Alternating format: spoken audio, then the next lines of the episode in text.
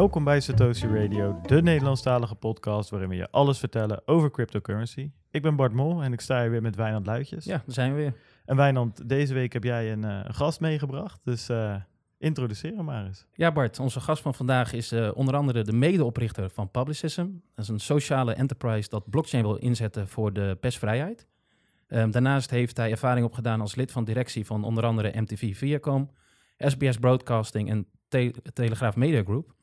Um, deze week schrijft niemand anders aan dan Pieter Haasnoot. Um, Pieter, superleuk dat je er bent. Welkom. Dankjewel. Thanks for having me. Hoe gaat het? Goeiedag gehad. Ja, ik heb een goede dag gehad. Echt een publicismdag. Want wij doen publicism ook niet iedere dag uh, voltijd de hele week. Wij zijn met vier uh, co-founders, Annemieke Teunen, Martijn Eindhoven en John Oliveira en ik. En zowel op donderdag als op vrijdag maken we tijd vrij om dit project te doen. En vandaag was donderdag, dus we hebben weer een hele goede discussie gehad. We zitten in uh, ALAP tegenwoordig. We zwerven een beetje door de stad Amsterdam. Maar nu uh, zitten we in ALAP en uh, daar hebben we hele goede sessies gehad. En hoe ziet zo'n dag eruit als je aan Publicism uh, bestelt? Nou, we, hebben, we zijn natuurlijk altijd aan Trello en aan het Slacken. Dus we zetten de agenda dan in Trello. En eerst moeten we even gezellig bijbabbelen. Dat zetten we ook op de agenda. Bijbabbelen is belangrijk. En dat was nu zeker belangrijk, want twee mensen kwamen net terug van vakantie. Dus daar moet je zeker even bijbabbelen. En dan kijken we hoe de development loopt. De development doen we in Polen via Amsterdam Standard. Uh, en we kijken naar, uh, heel erg naar onze partners waar we mee werken en waar we pilots mee doen. Die spreken we door. En we hebben best wel uh, allerlei high-level brainstorm conceptuele discussies over wat blockchain nou eigenlijk kan doen voor de journalistiek. En meer in zijn algemeenheid, omdat we merken door dit project te doen met blockchain en journalistiek, leren we zoveel over hoe blockchain uh, in elkaar zit. Ja. En hoe dat effect heeft op supply chains en hoe organisaties in elkaar zitten en markten enzovoorts enzovoorts. Uh, dat we dat ook uh, nu langzamerhand in andere markten aan het neerzetten zijn. Maar dat is buiten de social enterprise. Dat doen we in Creo Ventures. En die twee lopen soms een beetje door elkaar heen, maar we proberen ze wel te scheiden. In die zin dat publicism meestal op vrijdag zit en Creo Ventures op donderdag. Dus zo, uh, zo gaat onze dag. Ja, cool. Klinkt als een behoorlijk drukke dag. Ja, ja dat, is ook, dat is ook heel druk. Want het, is, wat het interessante is van blockchain-technologie, dat hadden we juist vandaag als, uh, als onderwerp. Dat je eigenlijk bijna de klassieke technologieontwikkeling, ik noem bewust klassiek, dus wat we, wat we gewend zijn, hoe je apps maakt en hoe je technologie ontwikkelt, en digitale transformaties enzovoort, enzovoort, begin je natuurlijk heel erg met UX. En daarna ga je kijken, oké, okay, hoe kan technologie dienend zijn aan wat de klant en de markt wil. Maar met blockchain op de een of andere manier werkt dat niet goed. In de zin, die technologie is zo disruptief dat het ook de markt en wat de klant doet, en in dit geval wat uitgevers uh, doen, want we werken ook met legacy publishers, um, dat je echt opnieuw aan het kijken bent en bijna organisatie aan het ontleden bent en weer opnieuw in elkaar zet. En dan kun je niet met UX beginnen. Dus vandaag was een van de thema's, hebben we dat development proces nou eigenlijk goed ingestoken? En nou ja, dan, uh, als we nu terugkijken, zouden we allerlei dingen op een andere manier doen. Dus wij zijn eigenlijk toch wel, kan ik met trots zeggen, een van de weinige organisaties die aan het leren is hoe je eigenlijk een blockchain uh, technologieproject developt, hoe je dat ontwikkelt. Een complete een agile agile manier van.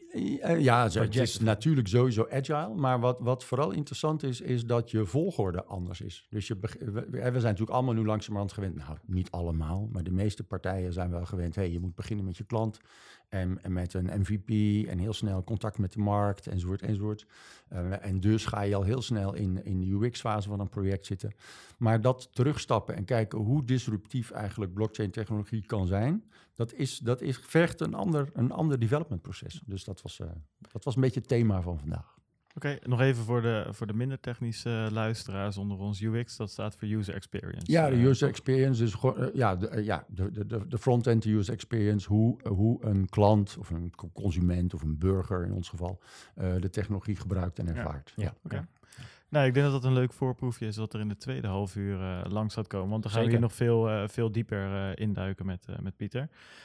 Maar niet voordat we nog even onze disclaimer hebben gezegd. Want alles wat wij vertellen is op persoonlijke titel en moet niet gezien worden als beleggingsadvies. Daarnaast zijn we bereikbaar via Telegram en Twitter. En de links hiervoor vind je op www.satoshiradio.nl. Um, deze week gaan we natuurlijk weer beginnen met het nieuws van de week. Uh, we hebben de marktupdate en daarna duiken we in, uh, in uh, het onderwerp van de week samen met Pieter. En dat is, is blockchain de missende schakel voor wereldwijde persvrijheid? Nou, ik heb er heel veel zin in in ieder geval. Ik ben, ik ben benieuwd. Ik ook. Um, maar dan gaan we naar ja, een toch Wijnandse onderdeeltje altijd, elke week. Ik ben benieuwd wat je deze week weer meegebracht hebt. Het nieuws van de week. Ja, deze week heb ik China meegebracht. Nou, niet zomaar China, hè, want we kennen China natuurlijk over de afgelopen periode als de China, China FUD. Ja, dus de negatieve berichten die uit, uh, uit uh, China komen, het heeft met name te maken met regulering. Hè. Dus we zagen in begin september 2017 al de ICO's uh, eh, geband worden. Nou, dan zag je de bitcoin op reageren, niet alleen de bitcoin, maar ook de alt. Um, dus eigenlijk gewoon de hele markt. En een drop onder toen de 3K. Um, nee, er schrikken en daarna herstelt de markt. precies een jaar geleden volgens mij, september 2017. Ja, iets minder, ja, ja. bijna. Maar dan zie je dus hè, dat het heel snel weer opkrabbelt eigenlijk. Maar die China, dat heeft toch elke keer een enorme impact op de markt. Dus als China iets, een tweet komt rondom China, dan is er een enorme reactie. Dus wat zagen we al een paar dagen geleden, is dat China een populaire applicatie WeChat, dat, ja, het is niet vergelijkbaar helemaal met een WhatsApp of een Telegram, maar het is een applicatie echt die in de, de kern van de maatschappij zit. Er zijn betalingen mee, zijn Volgens mij nieuws komt er overheen, maar je kunt ermee chatten en, en zo aan. Ik heb het persoonlijk niet, maar ik heb, ik heb er wel wat vaak dingen van gezien. En vooral volgens mij de payment uh, optie van WeChat is enorm groot daar. Of daar wordt eigenlijk niet meer met pinpassen of contant geld betaald. Het is allemaal Alipay of WeChat. En uh, dat maakt het zo, uh, zo groot. Huge. Inderdaad. En, en er zit een Facebook functionaliteit in. Het is echt... het is echt een platform zich. En wat zij dus hadden... En ze hadden dus ook newsrooms. En op die newsrooms had je bepaalde crypto media. Uh, en die zag je opeens geband worden. Hè? Dus echt accounts die unavailable waren. Nou, dat, dus dat was al een discussie. Waar komt dat nou van voren? Uh, nou, er zijn meerdere berichten hè, dat het overheid ingrijpen is. Uh, dat dat gewoon misbruik is of onreglementair gebruik is van het platform. Ehm, dus al die, al die media is opeens... Ik denk dat heel interessant is, hè, ook straks om over te hebben. Maar die media is opeens dus offline. maar wat zag je nog gisteren gebeuren? Nou, daar komt hier. Ik heb hem voor de zekerheid wel even opgeschreven de China National Fintech Risk Certification Office. Die uh, wil eigenlijk alle uh, platformen, en dat platform wil zeggen dus waar je crypto kunt handelen, uh, verbieden. En dat verbieden dat op basis van IP-adres. dus als alle crypto-exchanges waren al uit China vertrokken naar Singapore of naar andere uh, Malta. Malta, Canada of dat soort gebieden. Um, die willen ze dus echt blokken. Dus grote Binance is bijvoorbeeld al niet meer bereikbaar. Bitfinex is niet te bereiken. Um, nou, ik, vind, ik vind dat best wel kwalijk. En ook, uh, en ik denk dat het goed paste bij het onderwerp wat we straks over gaan hebben. Dus ik ook ben Pieter, van, hoe, hoe komt dit nieuws? Ik weet niet of je het hebt opgemerkt, maar als we dit nee, dat, hoort. Uh, ik, hoor, ik hoor het nu als nieuwtje, daarmee leuk dat je dit nieuwtje hebt. Uh, hoort voor het eerst, maar het past wel in een soort trend die je natuurlijk voortdurend ziet. Zeker in landen als China, waar wij ook heel erg uh, mee bezig zijn. Hoe grijpen overheden in, in media? Ja, dat gebeurt heel veel vaker dan wij, dan wij denken. Um, en wellicht is een, een van de, de, manieren om dat tegen te gaan, zou blockchain-technologie kunnen zijn, omdat je daarmee censorship resistance wel vorm geeft. Nou, het grappige is natuurlijk dat ze juist ook de crypto, hè, de blockchain, ja. eigenlijk een soort, ja, niet een nekslag, hè, want de blockchain-technologie aan zich verbieden ze niet. Uh, maar het is niet het promoten van. Dus het is wel heel nee, Het is natuurlijk ook altijd wel weer verschil of je praat over cryptocurrencies of over blockchain-technologie. Dat zijn ja. dan weer twee verschillende dingen. Um, maar het is, wel een voorbeeld van hoe een overheid ingrijpt in in principe vrije media, die dan toevallig over cryptocurrencies gaat, maar het zou ook uh, een antipolitiek uh, onderwerp kunnen zijn. Ja, en dat is, uh, ik ben geneigd dat kwalijk te vinden. Ja, dat, daar moeten we met, met z'n allen wat aan doen. En dat kun je doen via overheidsingrijpen en wetgeving. Maar je kunt dat ook doen door een technologie te kiezen waardoor het niet kan. Ja, nou, dat vind ik super interessant. En wat ik ook dat interessant vind, we hebben het vaak over miners. Hè. We hebben natuurlijk Alex uh, Vries gehad over het energieverbruik van, van het netwerk en van miners. Um, ja, daar had ik zelf eens vraag van, ja, hoe, hoe gaan die dan om? Hè? Die staan, grote miningnetwerken staan in China. Ja. ja. die krijgen als beloning bitcoin of andere uh, coins of alt of cryptocurrencies. Ja, hoe gaan die dan handelen met die opgedaan currencies? Ik, ik, ik, vraag me gewoon hardop af. Nou, volgens mij dat wordt sowieso lastiger, denk ik. Uh, aan de andere kant hoor je wel vaak dat dat soort grote transacties niet via een, uh, een exchange gebeuren, maar dat die over de counter worden gedaan. Dus dat betekent dat er een andere grote koper uh, wordt ja. gevonden voor iemand en dat het gewoon betaald wordt. En die transactie zelf zie je nooit terug. Ja, die transactie op de blockchain wel, hè? de bitcoins gaan ja, van A naar B. Maar dat wordt niet op Binance nee, gedaan, bijvoorbeeld. Dus ik, ik denk dat ze dat al zo doen. Um, dus ik denk niet dat dat heel veel verschil gaat maken. Kijk, het is. Ik vind het weer, ik vind het wel grappig om te zien dat dat dus WeChat dus zo, uh, of dat de Chinese overheid waarschijnlijk daar zo diep in zit en daar zoveel invloed op heeft. Ja, die Chinese firewall die we allemaal kennen op het internet natuurlijk. Als je daar op vakantie zou gaan, ja, WhatsApp werkt niet, Facebook werkt niet. Nou, Ik weet niet of Google tegenwoordig werkt. Uh, WeChat wel. Ja, maar dat, dat, dat, is het dan. maar daar hebben ze dus wel een dikke vinger in de pap. Dus ik ben uh, benieuwd hoe dat, uh, hoe dat verder loopt. Um, maar Pieter heeft zelf ook nog een nieuwtje meegenomen. Uh, daar ben ik ook wel benieuwd naar. Kan je daar eens... Nou, jullie vroegen me dat van tevoren. En toen had ik dat natuurlijk weer niet goed genoeg voorbereid. Maar er schiet me nu iets totaal anders te binnen dan ik net zei. Ik vind het eigenlijk wel belangrijk om een gebrek aan nieuws aan de orde te stellen. En een gebrek aan nieuws kwam echt naar voren in een gesprek met Free Press Unlimited, een van onze partners, uh, waar we mee samenwerken, die, die persvrijheid uh, in hun vaandel hebben en heel erg nauw samenwerken met de Verenigde Naties, de UN. En de UN heeft uh, de Sustainable Development Goals, dat zijn zo'n zo'n 17 doelen, die we met elkaar moeten zien te realiseren om de wereld beter te maken. En wat eigenlijk uit het gesprek naar voren kwam, is dat we, een van die, een van die doelen is persvrijheid en vrije nieuwsgaring dat we eigenlijk heel weinig aandacht hebben voor die Sustainable Development Goals.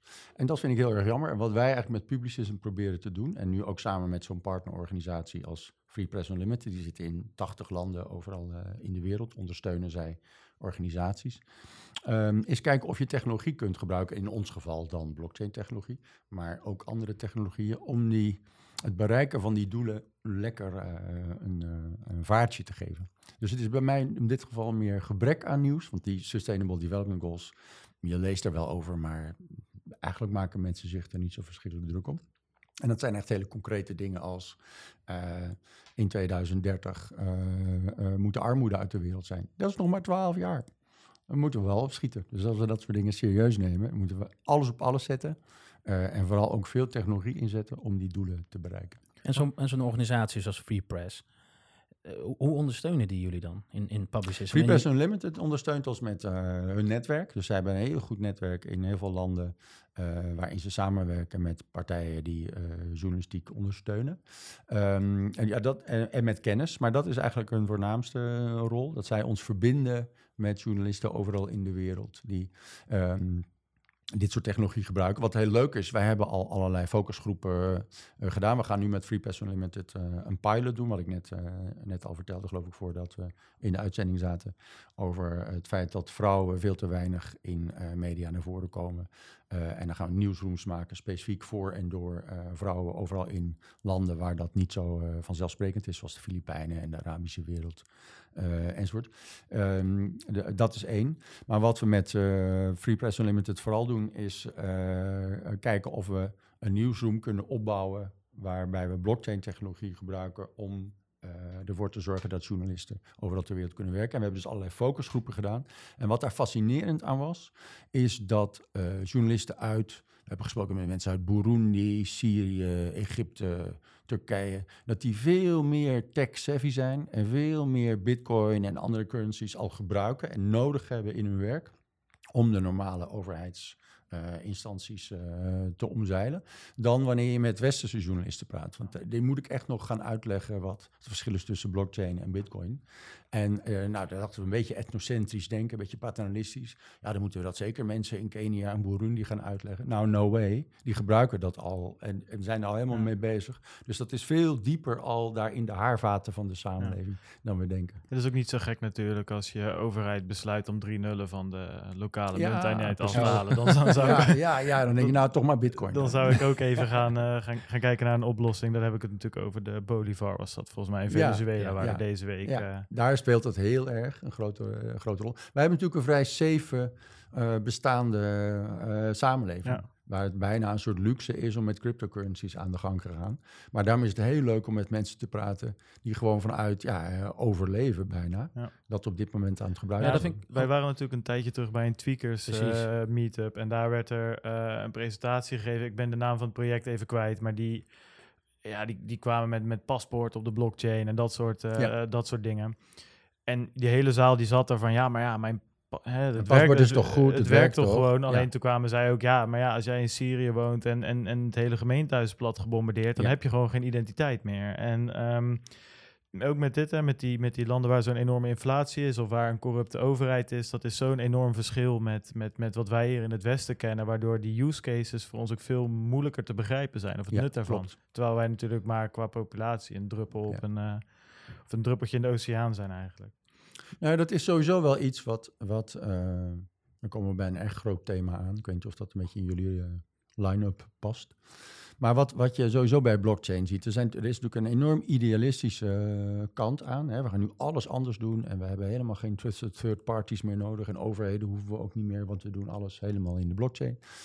Um, en aan de andere kant heb je dan de, uh, meer de ontwikkelingen in de financiële sector en de meer de permission blockchains, IBM, Intel, Hyperledger, noem maar op, van partijen die denken, nou, misschien kan ik mijn eigen supply chain efficiënter maken. Mm -hmm. Maar wij kijken echt van, is daar eigenlijk niet een soort middle ground te vinden? Dus oké, okay, kunnen we de voordelen van blockchain niet gebruiken om, om de wereld een beetje beter te maken. Maar hier in het Westen, zeg ik maar even heel zwart-wit, kun je dat best doen samen met bestaande organisaties. Dus het hoeft niet per se allemaal heel idealistisch, een totaal andere wereld. En wij, wij proberen dat uh, met bijvoorbeeld met legacy publishers, dus gewoon met, met mediabedrijven, uh, samen te doen.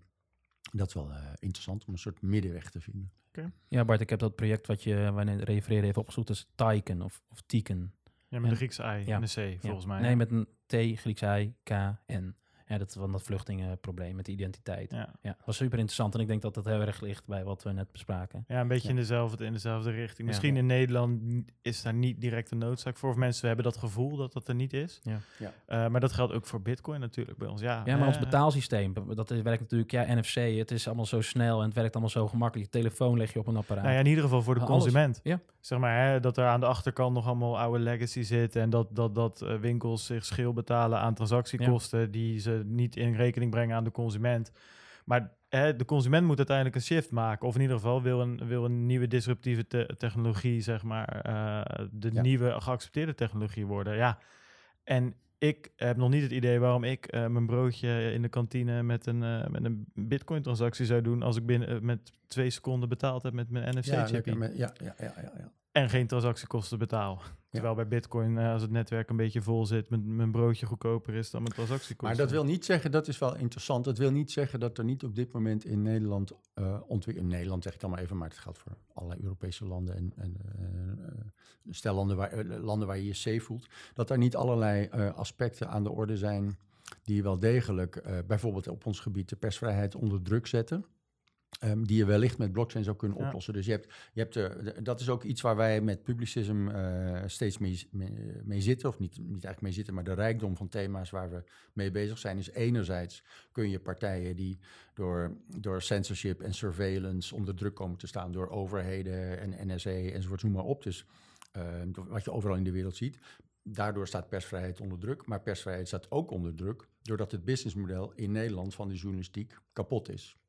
Langzamerhand. En we hebben best uh, moeite gehad in discussies met journalisten om journalisten dat duidelijk te maken. Want journalisten in Nederland zijn tussen aanhalingstekens, dat zeg ik met alle respect, een beetje verwend. In de zin, uh, de oude uitgevers hadden altijd een hele mooie scheiding tussen redactioneel, onafhankelijke journalisten. Die werden ook beschermd door redactiestatuten en commerciële afdelingen die dan zorgden dat het geld binnenkwam. Dat businessmodel, dat was voornamelijk advertisement-based, dat is kapot. En daardoor zien we nu ook in Nederland dat heel veel aspecten van de journalistiek die de democratie ondersteunen. Dat gaat om lokale journalistiek, regiojournalistiek. Het gaat ook om onderzoeksjournalistiek. Dat die heel erg onder druk staan, omdat dat businessmodel kapot is. En dat dus ook in Nederland speelt gewoon dat wellicht blockchain-technologie daar een hm. oplossing in zou kunnen zijn. Ja, Nee, dat, dat, ik, dat, dat, dat snap ik. Ik denk dat we daar zo nog veel dieper in, in, uh, in kunnen gaan duiken. Alleen waar ik naar refereerde is dat alsnog de, de, consument, de gemiddelde Nederlander, die ontvangt gewoon het Algemeen Dagblad of de Telegraaf of zijn deurmat. En die ziet die achterkant wat minder. Ja. Uh, dus ja, hè, en, en, en, en de schijn is er nog steeds, of nog steeds, de schijn is er. En misschien is dat voor een groot gedeelte ook zo, of misschien niet. Dat kan jij ons straks uitleggen dat het ook allemaal werkt, het systeem. En dat, er helemaal, dat het helemaal niet kapot is. Want ik heb gewoon mijn krant en ik vertrouw dat nog steeds wel. Net als dat ik mijn bank enigszins vertrouw. Tuurlijk zijn er wat dingen mis, maar hè, zo erg als in een derde wereldland is het hier niet. En uh, zolang dat er niet is, is het denk ik lastig voor, voor mensen om over te stappen. Maar daar duiken we straks nog wat dieper in. Ehm, ik had een heel leuk nieuwtje. En toen kwam er natuurlijk weer een ETF-beslissing dus, doorheen. Dus die, ja, die moet ik natuurlijk wel even behandelen. Er zijn gisteren weer negen ETF's um, afgekeurd. Um, ja, de ETF's, dat zijn de Exchange Traded funds volgens mij uit mijn mhm. hoofd. Ik had het vorige keer netjes opgeschreven, maar uit, uit mijn hoofd. Uh, het gaat om de ProShares, Directions en Granite Shares ETF's. Deze zijn in tegenstelling tot die CBOE um, ETF en de Winkelvols ETF zijn ze gebaseerd op Bitcoin futures en niet op daadwerkelijke, tussen aanhalingstekens, fysieke bitcoins die ergens opgeslagen zijn. Ze zitten een beetje anders in elkaar. Nou, iedereen had eigenlijk al verwacht dat ze afgekeurd zouden worden. En gisteravond kwam het nieuws ook dat ze afgekeurd zijn. Um, ja, eigenlijk met dezelfde onderbouwing als de vorige keer. Namelijk dat de markten te makkelijk manipuleerbaar zijn. En dat er nog geen uh, goede futuresmarkt is die stabiel is, zeg maar. Ja. Geen verrassing. Ik wil het even melden. Ik, uh, het interesseert me eigenlijk helemaal niet zoveel. Ze zijn al sinds 2015 of 16 met die ETF's bezig. En nu is het opeens een big deal en reageert de markt er nog op. En ja, nou, ik, het doet me een beetje denken aan het gedoe met uh, uh, de SegWit fork van Bitcoin vorig jaar. Dat leek ook maar een oneindige stroom aan, aan onze nieuws te zijn, wat telkens negatief opgepakt werd en de prijs fluctueerde daardoor enorm. Dus ja, ik hoop dat er eentje goedgekeurd wordt, zodat we er klaar mee zijn. Volgens mij um, eind september ja. staat de ETF waar alles om draait klaar. Uh, maar die kan ook nog uitgesteld worden tot februari, wat ik denk ook ja, dat gewoon gaat gebeuren natuurlijk. Ja, maar het is gewoon momenteel, het gaat nergens anders over. Dus laat het maar gewoon inderdaad gewoon een keer goedgekeurd worden. Ik denk dat het heel positief is. Um, of niet, en dan gaan we ook door. Maar ja, positief, dat is nog maar de vraag. Hè? Want ik, uh, ik zat laatst ergens een, een, een, artikel te lezen of een filmpje te kijken... waar eigenlijk gezegd werd hè, dat, dat, dat een van de sterke punten van Bitcoin is... dat het eigenlijk het eerste asset is, de eerste waarde ja, of een valuta, uh, digitale valuta die ook daadwerkelijk digitale schaarste creëert, uh, die wiskundig na te gaan is. En als jij dan, systeem, ja, precies. En als jij daar futures van gaat maken, dan heb je opeens oneindig veel bitcoin. Dan kan iedereen een bitcoin hebben. Dan heb je hem niet, maar dan kan je er wel gewoon mee speculeren. Dus dan maak je de, ja, dan, dan haal je die schaarste eigenlijk een beetje weg. En zeker als het um, uh, gezien blijft worden als digitaal goud en niet als een betaalmiddel, ja, Waarvoor, waarvoor zou ik dan geen future kopen in plaats van de bitcoin zelf? ik hoef er namelijk niet mee te betalen. Ja, terecht opmerking. Um, dus nou, dat, daar ben ik wel benieuwd naar. Um, maar dat gaan we in september zien. Ik denk dat het uitgesteld gaat worden, maar dat zien we tegen die tijd wel weer, uh, weer terug. Ik ben een beetje klaar met ETF's, dus ik wil door, want ik had een leuke nieuwtje vond ik zelf. Ik las dat uh, eToro, dat is een, um, ja, een online uh, investeringsplatform. Kan je volgens mij aandelen, dat soort dingen kopen, is redelijk toegankelijk.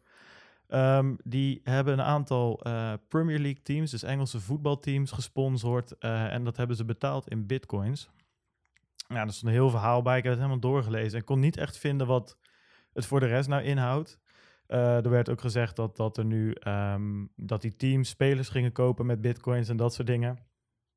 Volgens mij is het gewoon een sponsordeal. Uh, waar de clubs dus betaald worden in bitcoin. Uh, het gaat wel bijvoorbeeld om Tottenham Hotspur, Newcastle United, uh, Southampton zit ertussen. Dus het zijn best wel flinke clubs. Ja. Um, maar volgens, en ja, die reageren natuurlijk met standaard dingetjes zoals we zitten er dicht op en we willen technologische innovatie in de sport gebruiken en whatever. ja, volgens mij, ze worden gewoon gesponsord. Maar gaat het zijn, komen ze op de shirt, weet je dat? Of is het op de reclamebord of zelfs kleiner? Hoe groot, hoe groot is dit nou? Nou ja, volgens mij, die clubs hebben allemaal wel iets over gezegd. Ik weet volgens mij geen shirt sponsors hoor, want je kan in Engeland geen zes, zeven shirt sponsors in één keer betalen.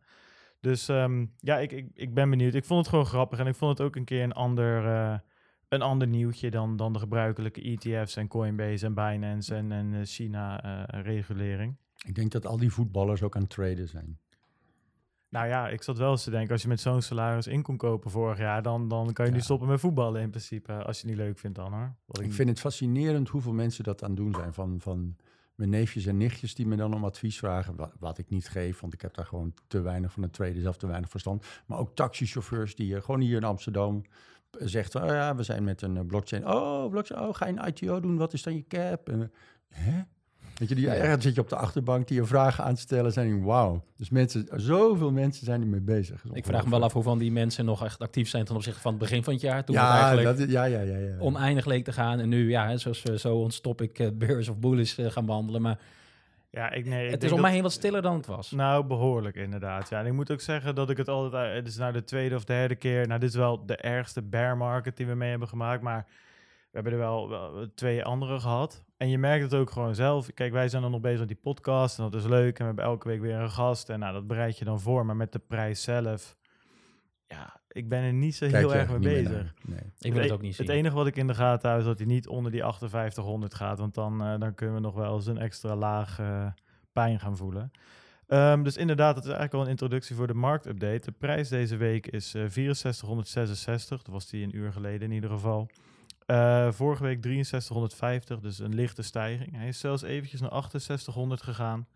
Um, maar ja, een paar uur later weer net zo hard omlaag. Ja, we hadden echt een 400 dollar pump in 20 minuten of zo. Ja, en een 400 dollar dump.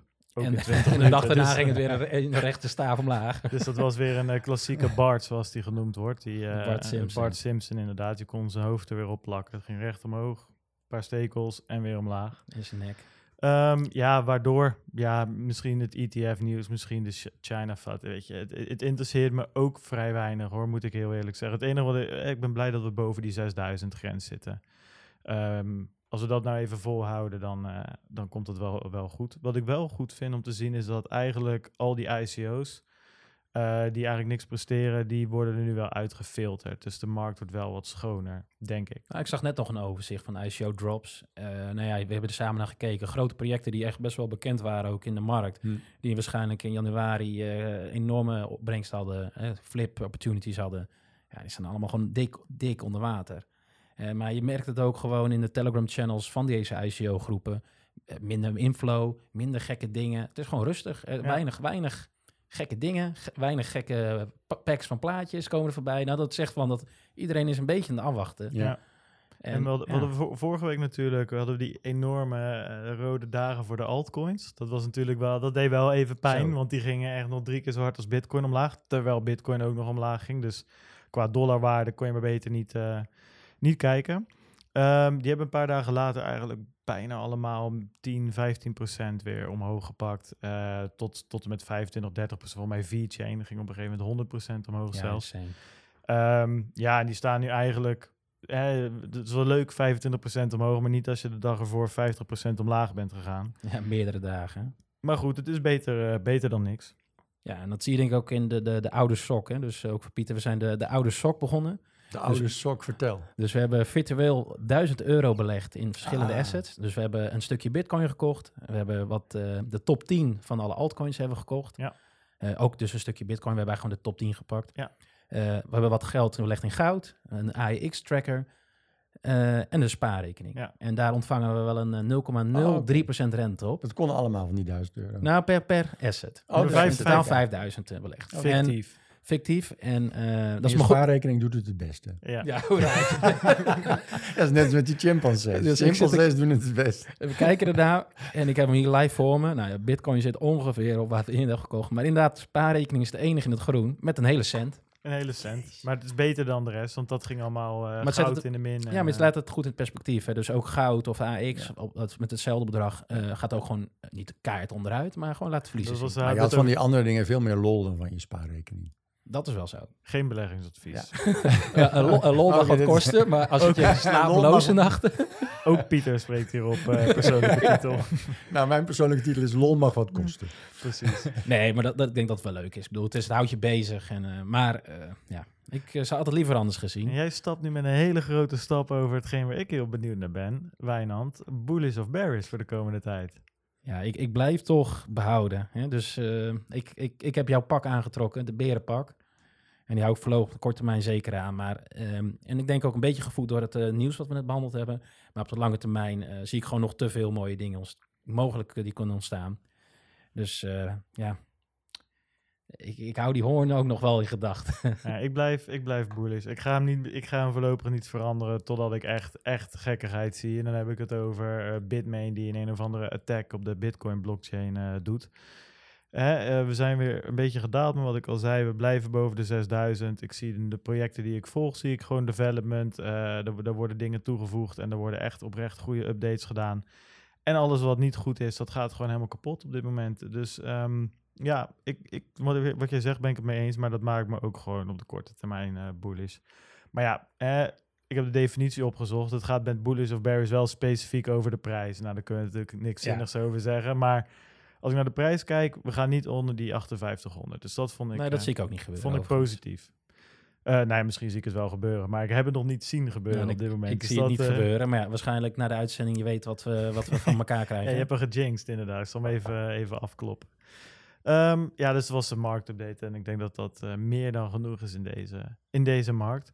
Dus dan schakelen we door naar, uh, naar het onderwerp waar we het met Pieter over gaan hebben. En dat is, is blockchain de missende schakel voor wereldwijde persvrijheid? Nou, dat is de vraag die we hopelijk na een half uur uh, kunnen gaan behandelen. Maar eerst wat meer, wat meer over jou. Um, wie ben je? Wat doe je? Wat, wa waarom ja, is persvrijheid zo belangrijk voor jou? Nou, dat is misschien heel diep. Eerst de eerste twee vragen, denk ik. ik vind die eerste twee waren ook al heel diep, hoor. Wie ben je, wat doe je? Ja, dat is ook vrij. Wat doen we hier überhaupt allemaal? Ja, wat doen we hier op de wereld? Uh, nou ja, als je vanuit, een, uh, vanuit de, optiek van werk bekijkt, dan ben ik een mediamens, zeg maar. Groot geworden in, uh, wat ik altijd zeg, klassieke media. Zoveel televisie gedaan. En binnen televisie altijd bezig geweest met innovatie en transformatie. Um, eigenlijk al binnen de SBS-groep. Reuze leuke tijd gehad bij de SBS-groep om vanaf 1995 nog een een zendergroep in de markt te zetten waarvan iedereen toen zei, dat is lang geleden, toen zei dat kan helemaal niet, want eh, er zijn al zoveel kanalen. En nou, toch doen. En vanuit die underdog dat opzetten is ontzettend leuk. Dus uh, daar ben ik een paar jaar mee bezig geweest. Uh, ik ben begonnen eigenlijk als uh, mediajurist en de hele juridische afdeling opgezet. Maar binnen SBS ging dat dan heel snel. Ja, doe dan ook maar HR en doe dan ook maar dat. Doe ook maar strategie. En, de, en toen kwam op een gegeven moment internet op. En toen zei we moeten toch wat met internet. Ja, ga jij dat dan maar doen? Dus toen, toen ben ik een uh, joint venture gaan starten tussen Endemol en SBS, waar we eigenlijk die hele eerste internetbubbel mee uh, hebben gedaan. Ontzettend leuk. Ik had, ik had totaal relaxed en ik heb daar heel veel dingen gedaan waar ik nu eigenlijk nog wel profijt van heb. En die heel erg vooraan zaten in de markt, want we hadden het namelijk heel relaxed. Ik kan dat wel nu zeggen, die partijen bestaan ook deels allemaal niet meer. Want wij hadden eigenlijk een deal met uh, Planet Internet, heette dat. In oh ja, ja. Maar oude e-mailadres. Die, hebben we ook nog gehad, ja. ja, planet.nl. Ja, ja, precies. Uh, en wat, waar, waar wij voor moesten zorgen, toen ging het allemaal om pageviews. Of wij heel veel pageviews voor ze konden genereren. Nou, dat konden wij natuurlijk wel. Want wij koppelden dan internetprojecten aan televisieprogramma's. Nou, dan wil het wel lukken met die pageviews. En daar betaalden zij, ik zal toch een beetje discreet blijven. Ik zal niet zeggen hoeveel geld, maar daar betaalden ze ons heel veel geld voor. Dus dan zei ik altijd tegen Renate, dat was de boekhouder iedere maand. En Renate, is het geld al binnen? En dan, nou, dan was het weer binnen en dan gingen we weer heerlijk allemaal projecten doen. Maar dat klinkt nu een beetje los vast, maar we hebben daar, ik heb daar al heel veel dingen eigenlijk geleerd over communities. We maakten bijvoorbeeld ik heb het over 2000, hè, 2001. Uh, webstrijd. En dat was dan een, um, een uh, game die vast zat aan een televisieprogramma. En daar waren we echt aan het observeren wat er met de community rondom die game gebeurde. En op een gegeven moment werd dat weer van tv geknikkerd. Want televisie heeft een totaal andere dynamiek dan, dan uh, internet. Dan werd het weer van tv. En, maar die community ging door. Dus dat zijn we helemaal gaan volgen. Daar heb ik ontzettend veel van geleerd hoe... nou, eigenlijk de principes van digitaal werken. Daarna ben ik bij SBS uh, uh, Productions gaan werken. Dus alle producties waar uh, Hart van Nederland en, Shownieuws en allerlei andere programma's worden gemaakt. Dat hebben we uitgebouwd tot een van de grootste productiehuizen van, van Nederland. En dat deels ook binnen Europa gedaan. En daar een heel digitaal transformatieproces ingezet van nieuwsproductie. Want het was hartstikke krakkemikkig toen we dat begonnen. En uh, uh, na, een paar jaar, na een paar jaar hadden we daar een heel mooi uh, digitaal proces van gemaakt. Het is nu nog een van de meest geoliede productiehuizen van, van Nederland. En daarna iets soortgelijks gedaan bij MTV Viacom. en daarna bij de Telegraaf Media Groep met veel plezier gewerkt en ook wel goede ervaring opgedaan. Maar dat was wel moeilijk, want dat was, toen was de hitte werd nog niet zo gevoeld dat zo'n organisatie ook moest transformeren. Dus mijn, op mijn bordje lag innovatie van print en papier en tekst naar uh, bewegend beeld. Dus dat was best soms moeizaam. Maar tegelijkertijd ontzettend leuk om te zien toen we Wakker Nederland gingen opzetten. Hoe zo'n enorme olietanker als de Telegraaf Media Groep dan opeens heel veel kracht ontwikkelt in de strategische richting die je op wil. Dus dat was uh, ook heel erg leuk. Nou, daarna eigenlijk, doordat ik gefascineerd ben, was en ben door transformatie en innovatie, ben ik dat eigenlijk veel meer uh, gaan doen. Ook bij allerlei, bij allerlei klanten. En eigenlijk steeds meer op het snijvlak tussen business, technologie en society. Ehm, dus je kunt wel alleen naar business kijken of alleen naar technologie. Maar ik vind het heel mooi om in die driehoek te werken. Um, en dat doen we nu ook met publicism. En dat heeft allerlei aspecten. Dus je bent bezig heel innovatief met de allerlaatste technologie. Maar je kijkt ook naar dingen als uh, shared value strategieën. Hoe kun je samen met bestaande organisaties waarde creëren in de samenleving, maar wel op een business savvy, uh, gezonde manier. Dus dat, zijn, dat is het soort projecten wat ik doe. En als, je, en als je dan uh, gewoon van jou, vanuit jouw view, hè, want je raakt natuurlijk heel, die mooie driehoek die je net benoemt. Vind je nou dat dan de, de huidige media genoeg innoveert? Nee. En, en waarom niet? Waarom niet? Dan vraag je waarom, waarom ze niet. Ja, maar vanuit jou, want je, je bent nou, al van 1995 ja, bezig met ja, transformaties en heel nou, ja, uh, wat, ik wel, wat ik wel geleerd heb is uh, dat, dan wordt het een beetje filosofisch, maar dat vinden jullie vast niet erg. Uh, organisaties hebben ook een levenscyclus. En zoals een boom die buiten staat in het bos op een gegeven moment ook oud is en doodgaat, hebben partijen ook een longevity die op een gegeven moment aan zijn eind is. Um, en het is heel lastig om jezelf opnieuw uit te vinden. Het is toch altijd een nieuwe partij die echt innoveert. Nou, uh, binnen media natuurlijk altijd de bekende Netflix. En, en daarvoor al de, de, YouTubes en de Facebooks enzovoort. Dat komt niet uit mediabedrijven zelf. En dan kun je zeggen, ja, die mediabedrijven innoveren niet. Inderdaad, dat is zo. Maar welk bedrijf is nou wel in staat om zichzelf opnieuw uit te vinden? Dat is gewoon een heel ingewikkeld, moeilijk ding. Waar je echt allerlei aspecten moet strategisch kloppen. Er moet heel erg een leiderschapsdrive op zitten om jezelf opnieuw uit te vinden. We hebben natuurlijk de bekende voorbeelden in andere markten als uh, meneer Fijker Siepesma bij DSM, die daar wel in, die wel in staat lijkt om een oud bedrijf opnieuw vorm te geven. Maar dat zijn eigenlijk uitzonderingen. Per saldo hebben bedrijven gewoon toch een levenscyclus en op een gegeven moment is het aan zijn eind. En het interessante is wel, vind ik, in mediabedrijven, dat je dan ook mediabedrijven de strategie ziet kiezen om, ik zeg altijd heel grof, mag een beetje grof hè, in jullie programma, om met stervensbegeleiding geld te verdienen. En dat kan ook. Dus als je weet, ik zit in de laatste fase van wat ik als organisatie ben, ik leef nog 20 jaar. Of, uh, maar ik ga in die laatste fase met mijn originele businessmodel zoveel mogelijk geld verdienen. Dat kan. Dat, is, een hele, dat is een hele valide strategie, maar dan kom je niet aan innovatie toe. Dat, het, grap, het, grappige is dat, dat denk ik, uh, je noemt uh, Facebook is natuurlijk iets wat, wat, wat enorm vaak genoemd wordt. En die denk ik dat zij nu juist ook aan het begin staan van die laatste. Die moeten zichzelf ook gaan uitvinden. Ja, zeker. Want hun model, uh, het verkopen van data, het verkopen van ads, ja, daar beginnen mensen toch nu ook wel een beetje bij na te denken van, nou, dat wil ik eigenlijk liever niet. En nou ja, uh, mensen zitten nog wel op Facebook. En wat jij zegt, daar kunnen ze vast nog tien jaar mee door. Ja. Maar dan uh, zijn, ja, uh, oneerbiedig, dan zijn de oma's en opa's ook zo oud dat ze, dat ze het niet meer op het schermpje kunnen zien. Ja, en, en de jeugd is alweer naar wat anders. Ja, iets anders. Instagram, hè? Ja, bijvoorbeeld, maar dat uh, naar Instagram is natuurlijk van Facebook ja, trouwens. Um, maar dat, dat, dat gaat ook aan één stuk door, zeg maar. En um, ja, Facebook, ik zat laatst kreeg ik een berichtje van dat mijn account tien jaar geleden gemaakt is. Dat is ook alweer een wow. tijdje terug. Um, dus dat, nou, dat is eh, denk ik inderdaad. Een, dus het geldt niet specifiek voor mediabedrijven. In zijn algemeenheid zie je dat het heel weinig bedrijven gegeven is om zichzelf opnieuw uit te vinden. Ja. Maar in media wordt dat wel uh, het meest gevoeld. Wat ik interessant vind in, in media werken is dat je eigenlijk digitalisering as such, wat je nu in allerlei andere markten ziet, daar eigenlijk het meest en het eerst hebt meegemaakt hoe uh, dat ingrijpt en, en hoe het businessmodellen en supply chains en strategieën verandert. Dat zie je eigenlijk eerst in media. Omdat ja, dat, daar is digitalisering eigenlijk de essentie. En dat begin je nu in allerlei andere markten ook te zien. Maar uh, ja, innovatie is een heel ingewikkeld ding.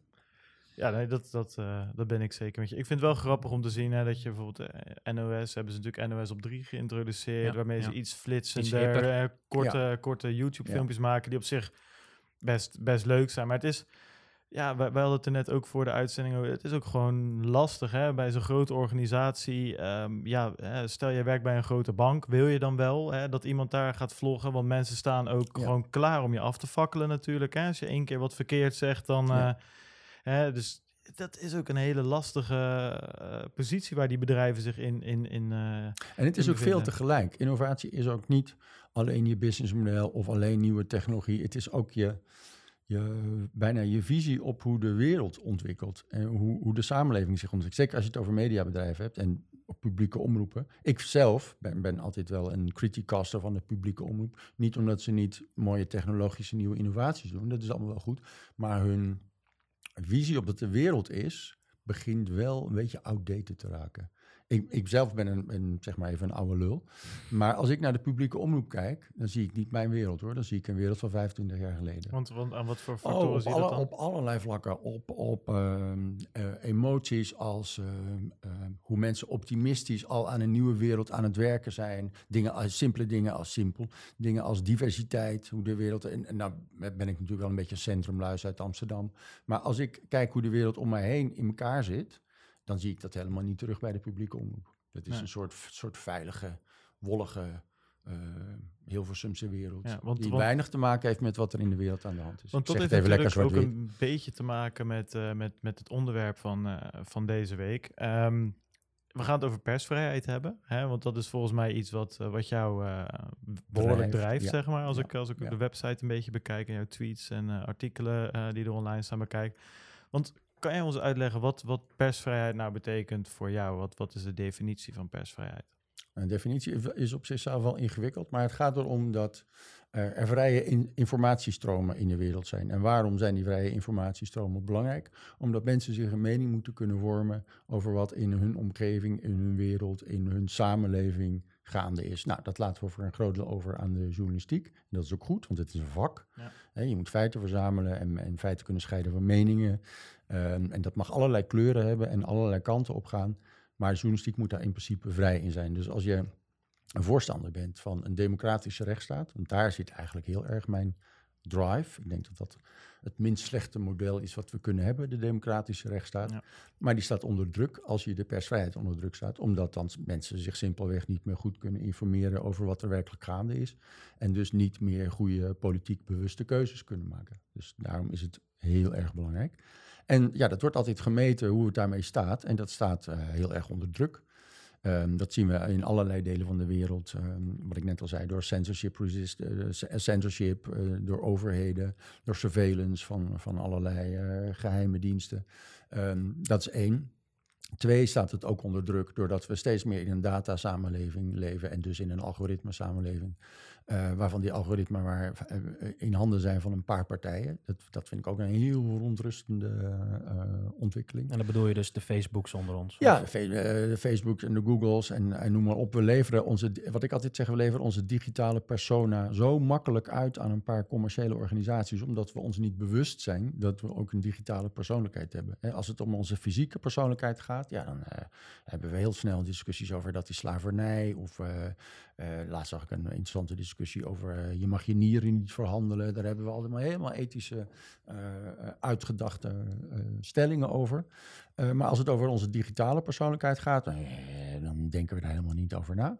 Het is heel interessant om te zien dat bijvoorbeeld in politieke bestel en politieke discussies, heb ik het even over Den Haag, als het over onze fysieke persoonlijkheid gaat, nou, dan zijn we wel gewend dat daar wetgeving op komt. En, maar als het over onze digitale persoonlijkheid gaat, blijven we een beetje steken in privacywetgeving.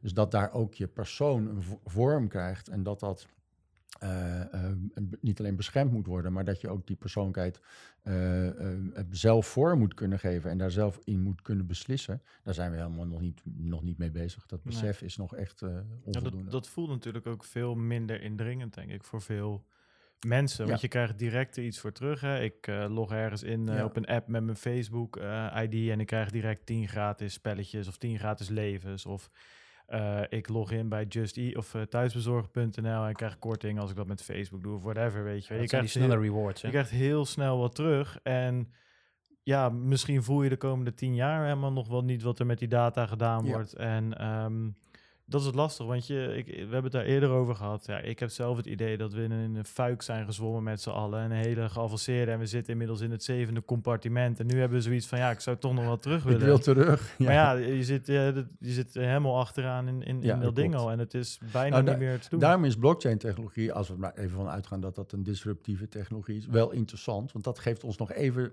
weer een keer de mogelijkheid, de kans om, uh, om uh, die fuik anders in te richten. Ja. Maar we, het lijkt erop, ik ben niet pessimistisch hoor, ik ben sowieso een cultuuroptimist. Het lijkt erop dat we gewoon weer zo'n fuik inzwemmen als we niet oppassen. Dus ik denk dat blockchain-technologie er weer even één moment is waarop je met elkaar kunt zeggen, oh, laten we het nou eens anders doen. Ja. En hoe zie je dat dan voor je? Want hoe gaan we dat dan anders doen? Nou, ik, ik denk dat we veel meer, ook buiten de technologie as such om, uh, dat het een instrument is om coöperatieve platformen en, en individuen veel meer power te geven in de samenleving dan we nu hebben. Hè? Als we nu kijken, heel grofweg hoe de samenleving is georganiseerd, dan zijn we gewend om te denken in individuen, in overheden en in markten.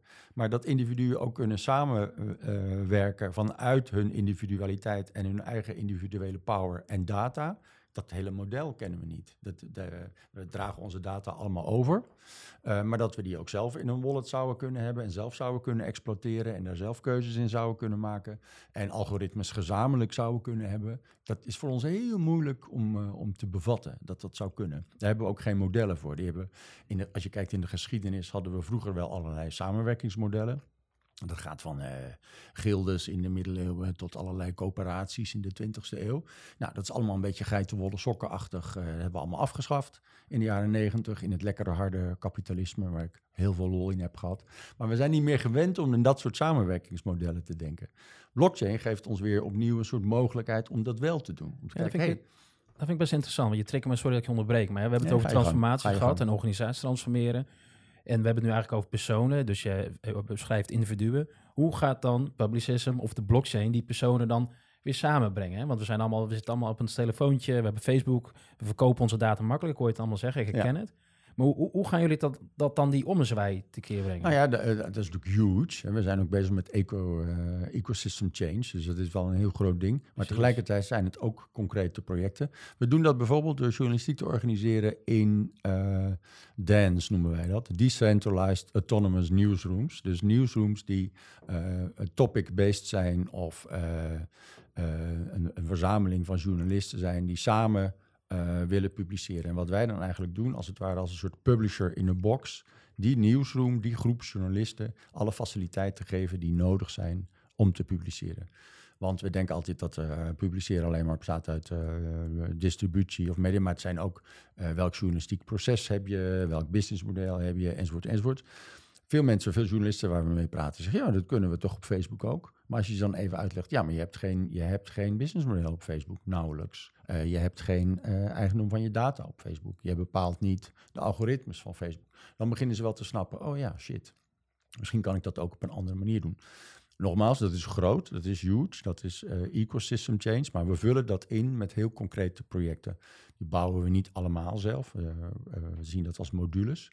Wij bouwen zelf wel die decentralized autonomous newsroom, dus we faciliteren groepen journalisten en we kijken welke modules daar eigenlijk omheen zouden moeten zitten. Dus dat is distributed content storage, dat zijn dingen als data wallets, dat zijn dingen als safe identity, alles wat je nodig hebt om eigenlijk veilig en empowered in zo'n nieuwsroom te functioneren. Dat is wat wij bouwen. Maar, maar um, je zegt decentralized, een decentralized newsroom. Hoe zorgen jullie dan voor dat het ook daadwerkelijk decentralized is en niet dat publicism een nieuwe Facebook wordt? Die, die complete blockchain, uh, de eigenaar is van die complete blockchain. Ja, je moet dat een beetje zien. Dat is wel een ongoing discussie hoor, want uh, dat, uh, dat is een heel terechte vraag. Maar je moet het een beetje zien zoals, zoals de Wikipedia Foundation en de, de Linux Foundation. Net. Dat is natuurlijk eigenlijk totaal open source. Maar er moet wel een soort club zijn die het min of meer organiseert. Nou, wij zijn die club die dat min of meer organiseert. Maar verder is het totaal open source en kan iedereen daar zelf in zijn nieuwsroom uh, zijn eigen governance en zijn eigen regels stellen en zijn eigen doelen stellen. Maar, we hadden juist vandaag wel een hele interessante discussie. Um, want uh, wij, wij zoeken natuurlijk wel degelijk we dienen een maatschappelijk doel. Hè. We willen de, de, de, persvrijheid weer faciliteren met gezonde businessmodellen en goede technologie. Maar we zijn er wel voor persvrijheid die in dienst staat van de democratische rechtsstaat. Dus we zijn er niet voor fake news, voor kinderporno, voor wapenhandel, voor drugshandel uh, enzovoort. Zoals je dat op Tor bijvoorbeeld ziet. Nou ja, kijk, kijk dat, is, dat zijn natuurlijk inderdaad. Um dat is natuurlijk redelijk zwart-wit. En dat zijn uh, de, de onderwerpen die je vaak hoort. Hè? Inderdaad, kinderporno en dat soort dingen. Piracy, uh, piracy en whatever. Maar stel dat je bijvoorbeeld een IS hebt die um, uh, nieuwsberichten de wereld ingooien dat ze iemand gegijzeld hebben of dat ze een, een, een, aanslag opeisen, zeg maar. Ik kan me voorstellen dat dat een, groep is die nou niet staat voor de democratische rechtsstaat, zoals wij die in het Westen kennen. aan de andere kant is het natuurlijk wel nieuws wat relevant is. Hè? Dus hoe, en misschien wel correct. Ja, ja inderdaad. Kan feitelijk juist zijn. Precies. Ja, dus, ja, daar ben ik dan benieuwd naar. Krijgen die dan ook... Uh, nou, we hadden daar juist vandaag een hele dis goede discussie over in de groep van co-founders met z'n vieren, zeg maar. Ehm, waar, waarbij ik meer op de lijn zit van, uh, ja, maar hoor eens, we hebben als doel om de democratische rechtsstaat te ondersteunen. Dus daar kun je ook keuzes uit afleiden. Dat zijn dingen als uh, wel of niet voor, uh, voor, of tegen de mensenrechten. Maar er zijn ook meer uh, liberale vrije denkers in de groep van co-founders die zeggen: nee, nou, daar gaan we geen regels aan stellen. Anything goes. Dus daar zijn we nog niet helemaal uit, zeg maar. Oké, want en, en um, ook het decentrale waar ik dan ook benieuwd naar ben. Want ik las op de website bijvoorbeeld dat het doordat een blockchain zo decentraal is, dat dat niet te hacken is hè, eigenlijk. Ehm, dan denk ik zelf meteen aan de Bitcoin-blockchain, waarvoor miljoenen en miljoenen en miljoenen uh, euro's aan mining hardware over heel de wereld verspreid staat. Hè. Nou weten we dat, dat het vaak in China is, maar hm. hè, uh, als ik dat zou willen aanpassen, die blockchain, dan moet ik met heel veel kapitaal heel komen veel moeite en doen, heel, heel veel, veel hardware. geld hebben. Ja. Ja, hoe gaan jullie dat doen? Want als je drie miners er, hebt staan in Nederland, om maar wat te zeggen, dan is het voor een overheid natuurlijk alsnog appeltje eitje om daar uh, ja. de zes miners bij te kopen en alsnog de blockchain. Ja. Nou ja, eh, de bedoeling is dan wat dat betreft min of meer het Bitcoin-model te volgen. In die zin dat je natuurlijk wil dat het, zo, dat het zoveel moeite gaat kosten om het te hacken, dat je dat uiteindelijk niet lukt. Dat is in de, zal in de beginfase zeker niet uh, het geval zijn, maar dat is wel waar je naartoe wil. Ja, maar je zit te denken aan een permissionless, dus iedereen zou kunnen toetreden tot het netwerk. Ja, nou we zitten, heel, we, we, we, we zitten wel in, heel erg in die discussie dat, tussen permissionless en permission, van kunnen we niet een hybrid vorm maken. Ook omdat we, en nou, nou zit ik uh, echt uit de school te klappen met de, de, de brainstorms die we daar nog uh, over hebben. Wij hebben een proof of technology gemaakt op basis van Ethereum uh, vorig jaar. Nou, hartstikke goed. Hebben we met een partij gedaan uit Silicon Valley. Ook, ook alweer binnen Nederlandse en bijna, ik zou ook zeggen, Europese begrippen, waar we daar heel ver mee. Want dat hebben we ook echt gemaakt. Heel veel mensen praten over blockchain, maar doen het eigenlijk niet. En we zijn nu eigenlijk bezig om over te stappen op Hyperledger om verschillende redenen. Uh, natuurlijk ook met scalability uh, uh, enzovoort die redenen. Maar ook wel om te kijken, kun je nou eigenlijk, wat ik net ook al aangaf, als je gaat naar een decentralized wereld, moet je dat dan per se doen vanuit de visie, het kan alleen maar bottom-up, vanuit een soort idealistische af, overwegingen dat de bestaande organisaties niks goed doen en dat die zo snel mogelijk gekild moeten worden? Of is het zo dat je kunt zeggen, nee, we zien value creation aan de basis, niet alleen bij journalistiek, maar je ziet het ook bij hospitality met Airbnb, bij mobility met Uber, je ziet het in de energiesector. In heel veel uh, sectoren zie je value creation aan de basis ontstaan. En is het eigenlijk niet gek dat die capturing van die value altijd aan de top gebeurt? Ga je daar langzamerhand niet naar andere modellen? Nou, dat zie je natuurlijk nu al gebeuren in de energiewereld. Je ziet het nog niet zo bij. Ik ben een beetje betrokken geweest, maar nu niet meer zo actief, maar bij Fairbnb waar we eigenlijk dezelfde soort ontwikkeling hebben meegemaakt, kun je niet een Airbnb blockchain-based maken, waar het geld teruggaat naar de buurt, want daar wordt het namelijk ook verdiend. En die heeft ook de overlast ja, ervan. Zeker, ja. Dus waar de value gecreëerd wordt, moet je het ook capturen. En dat is eigenlijk wat we met journalistiek ook proberen te doen. En dat leidt tot heel andere uh, modellen, ook voor uitgevers, en daar praten wij met uitgevers over, die daar nog wel degelijk een rol in kunnen spelen. Dat zie je nu bijvoorbeeld in de energiesector gebeuren, dat die energiebedrijven uh, of netwerkbeheerder zijn of een soort marketingorganisatie worden, die eigenlijk die bottom-up beweging gaat faciliteren. En dat zoeken naar welke service je dan levert om die value creation aan de basis te faciliteren. Dat is wat wij eigenlijk ook doen, maar dan in de journalistiek. Dus we zijn met uitgevers aan het praten. We gaan bijvoorbeeld met, uh, dat is dan wel weer een nieuwtje, met NDC een pilot doen uh, met de Noordelijke Mediagroep in, in Friesland om te kijken of we lokale en regionale journalistiek opnieuw in elkaar kunnen mm. zetten.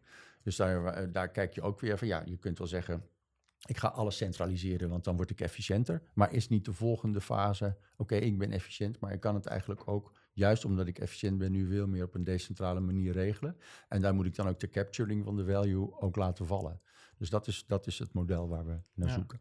Ja, ik denk dat het ook, um, wat, wat ik zelf leuk vind, je hebt natuurlijk, nou haalde je net aan de platform... Uh, eigenlijk de platform business modellen die, die ze intreden hebben gedaan de afgelopen tien jaar. Eigenlijk elk voorbeeld wat je, wat je noemt is gewoon hè, hou het platform in de lucht en zorg dat er of vraag of aanbod is en dan komt de ander vanzelf en dan, ja, dan room je dat gewoon af. Precies, cent maar centraliseer wel de marketing en, en alle financiële afwikkelingen zodat je zelf ook je percentages kunt bepalen. dat precies. is precies wat met. Ik, ik denk dat dat uiteindelijk, als mensen een beetje politiek wakker worden, geen houdbaar model is. Nou ja, ik, ik, ik ben benieuwd. Het ligt er een beetje aan uh, ja, of, of, je nog um, de data doorverkoopt of dergelijke. Ik ja. op zich een marktplaats maken waar mensen bij elkaar, waar vraag en aanbod bij elkaar komen. Zeker op een digitale manier vind ik best, uh, best een gaaf idee. Maar je, ik hoorde bijvoorbeeld Netflix, dat was een beetje uit zijn verband getrokken. Die wilde ook advertenties gaan doen. Ja, ja dus dat denk ik van ja, weet je, sorry jongens, maar ik betaal hiervoor. En filmmakers betalen er ook voor mijn films. Hè? Hou het daarbij. En dat was je businessmodel. En ga niet uh, ads erbij uh, bij Ja, want jij zegt nu, er is een marktplaats. Maar dan ben ik nog wel benieuwd van Pieter. Want we hebben het namelijk over het schrijven van artikelen. En een persvrijheid van de, degene die het schrijft. Maar wat als ik nou, ik, ik, ik stel nu, hè, dus ik zit in, uh, in Noord-Korea en ik heb een artikel en ik ben heel kritisch op het huidige bewind. En jullie platform biedt mij in staat iets te schrijven hoe bereik ik dan nog alsnog mijn doelgroep? Hoe bereid ik mijn lezers? Hoe, Ja, ja, ja dat, dat, is, dat is een ding. We, zijn met verschillende kanalen bezig. Sowieso ons eigen platform. Maar goed, dat moet dan ook, daar moet je ook het mediaspelletje op spelen. Maar we zijn nu ook relaties aan het leggen met nieuwsagencies. En natuurlijk eh, krijg je ook de outlet naar de normale Googles uh, enzovoorts. Maar daar word je wel geconfronteerd met hoe de markt op dit moment in elkaar zit.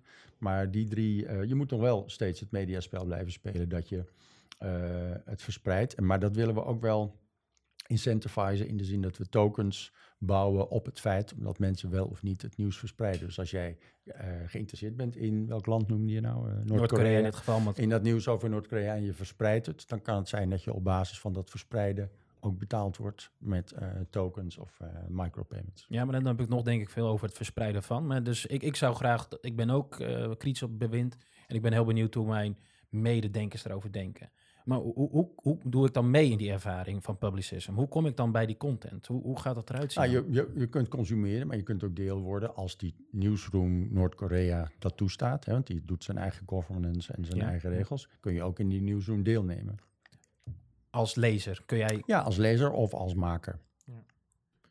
Maar die nieuwsroom Noord-Korea bepaalt zelf of dat wel of niet. Uh, dat, dat, bepalen wij niet. Nee, precies. Nou, ik denk omdat we die persvrijheid, hè, dus je kunt natuurlijk heel leuk stukken schrijven, maar als je niemand bereikt, hebben we dan persvrijheid. Hè? Want je kunt ja. Aan twee kanten kun je volgens mij die, die hendels strak draaien. Ja, dat is op het schrijven of op het consumeren. Nee, ik denk een heel ver punt. Ik denk wat, wat bij mij te binnen schiet is, hè, ik ga het op een gegeven moment, zet ik het op de blockchain, immutable, er komt niemand meer aan. Uh, en daar staat mijn kritische stuk hè, op uh, Poetin of, uh, of Kim Jong-un of whatever ja, uh, hoeveel kans heb ik dat, dat de KGB de volgende dag alsnog voor de deur staat, zeg maar. Hè? Hoe behoud ik mijn anonimiteit uh, als ik zo'n stuk plaats? Nou, daar zijn de, de technische mensen nu heel erg uh, mee bezig. Want nou ja, dingen als censorship resistance lijken wel vrij logisch in blockchain ingebouwd te zitten.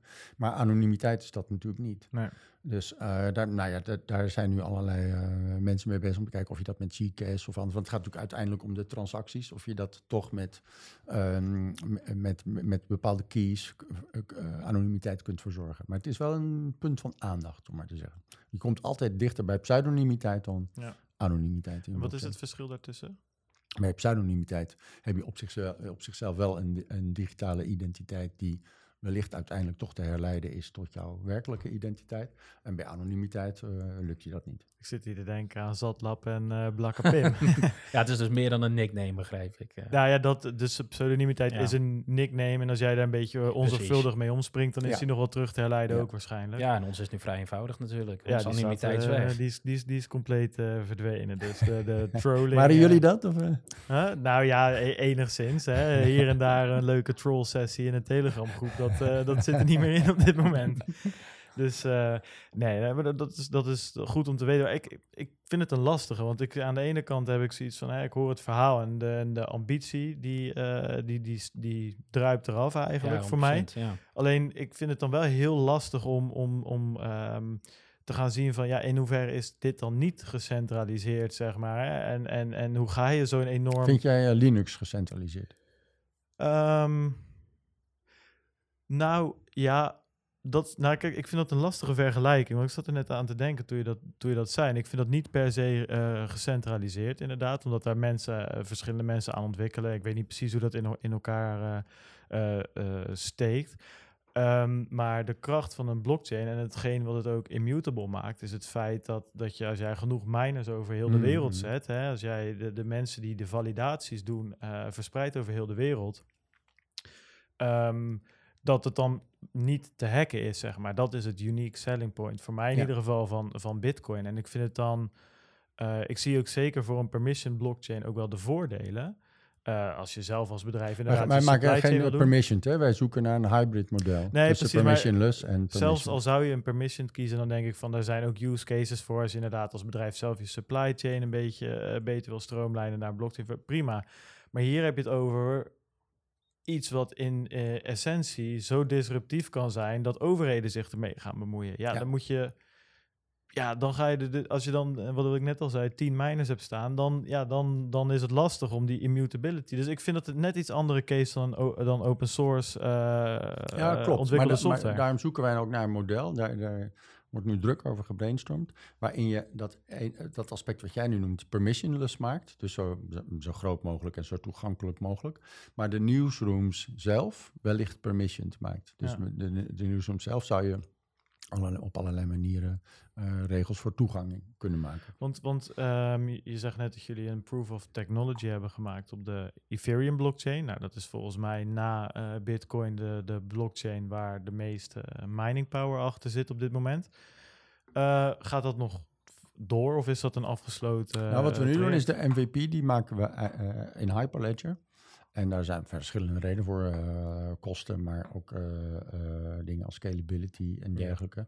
Ja. Um, dus we, dat heeft weer te maken met dat enerzijds permissionless Ethereum en anderzijds permissioned Hyperledger, om te kijken of wij daar een model tussenin kunnen vinden. Ja. En ja, dat zou best eens kunnen gelukken, omdat ook de Hyperledger Foundation, en zeker Brian Belendorf, die dat leidt, er heel erg in geïnteresseerd is om er juist een tussenvorm tussen te vinden. Ja. Nou ja, ik, ja ik, ben, ik ben wel enthousiast. Vooral over, over, over het verhaal uh, wat je vertelt. Ik, ik, ik zou daar nog, nog uren over door kunnen praten over persvrijheid zelf zonder de blockchain. Maar ja, we maken hier een blockchain uh, um, podcast. Dus ja, ik, um, ik ben wel enthousiast. Zeker ook het, het uh, voor, voor mij het, het, het verkopen. Dus het zelf kunnen verkopen van je eigen stukjes en daar micropayments voor terugkrijgen. Ik denk dat dat, we hebben het een paar afleveringen geleden over gehad. Kijk, wij denken dat zoiets kan werken, het tokenizen smart contracts, als hetgene wat jij koopt ook daadwerkelijk ook digitaal is en op de blockchain kan staan. En dat kan in dit geval. Als ik een stukje tik, is dat digitaal. En als jij mij daar tokens voor teruggeeft, is dat digitaal. En dan kunnen we oprecht daadwerkelijk iets verhandelen. Dus wat anders dan een huis of iets anders in de fysieke wereld. Dus dat zie ik, dat zie ik zeker wel, uh, wel voor me. En je ziet ook bijvoorbeeld op YouTube terugkomen dat alle streamers uh, en YouTubers boos op YouTube zijn, omdat ze door de content die ze maken, advertenties geblokt worden. Nou, dat past natuurlijk precies in jullie straatje dat, zo'n, uh, dat dat bij jullie niet zou gebeuren. Um, ja, ik weet niet of jij voor de rest nog afsluitende... Nee, nou, ik denk voordat we de hoofdvraag even terugkomen op de hoofdvraag, nog wel benieuwd ben van hè, wat kunnen we de komende periode in het kort nog van jullie verwachten? Hè? Waar, waar kunnen we jullie zien of, of wat, wat, waar zijn jullie mee bezig? Wat, ja, wat op de korte termijn? Nou, op de korte termijn zijn we, gaan we aan de gang met die pilots die ik noemde. Uh, dus we, waar we naar streven is pilots te doen op het gebied van regio en lokale journalistiek. Dat doen we in het noorden van Nederland. Uh, we doen er een met Free Press Unlimited en de Verenigde Naties. Dat is meteen weer huge uh, internationaal voor onderdrukte journalisten. En we zijn uh, met eentje bezig op het gebied van onderzoeksjournalistiek. Kan ik nog niet de partij noemen die we, die we daarvoor op het oog hebben. Uh, dat, we bouwen door. We willen uh, de boel toch in een ICO stoppen. Wie niet, zou ik bijna zeggen. begin volgend jaar. En ja, daar zijn we druk mee bezig om dat te doen. Oké. Ja, nou cool. En dan, dan kunnen we naar de afsluitende vraag. Want ik zie dat we inderdaad alweer over het uur zitten. Dus Pieter, is blockchain de missende schakel voor wereldwijde persvrijheid? Ja, het is één van de missende schakels in de wereldwijde persvrijheid. Oké, nou, dat is een, een, volmondig ja. Een volmondige ja, inderdaad, met een kleine, kleine tickmark aan het einde. Dan wil ik je bij deze van harte bedanken voor je aanwezigheid. Um, onze luisteraars willen, denk ik, misschien nog wel, of in ieder geval, kan me voorstellen, die willen wat meer lezen of die willen jou volgen. Of nou, ben je ergens te vinden online? Ja. Of is dat ook allemaal anoniem of eh, nee, allemaal LinkedIn en Facebook, uh, uh, Twitter. Ik ben niet heel actief op Twitter, maar Twitter het retweet wel veel over dit, dit onderwerp. Ja. En publicism.nl kun je ook bezoeken. Nou, top. Hartelijk dank voor je komst. Ik vond het, ik vond het een erg leuk gesprek, uh, in ieder geval. Dus ik vond het uh, ontzettend leuk om uh, hier te zijn. Dus ik ga jullie ook met veel belangstelling volgen. Ja, als ik, kijk, dat is wel een, een trouwe luisteraar. Je hebt een luisteraar. en er staat mij nog wat bij uit het begin van de podcast... dat je wist opbouwen van communities en followings. Dus als je nog iemand kent die... Ja, die, ik die delen. Ik ben van de retweets. Dus, die, als je nog iemand kan vinden die 15 seconden vanavond voor Utopia 2... nog een reclameblokje kan vinden... dan houden wij ons aanbevolen voor een paar uh, stickers en een t-shirt.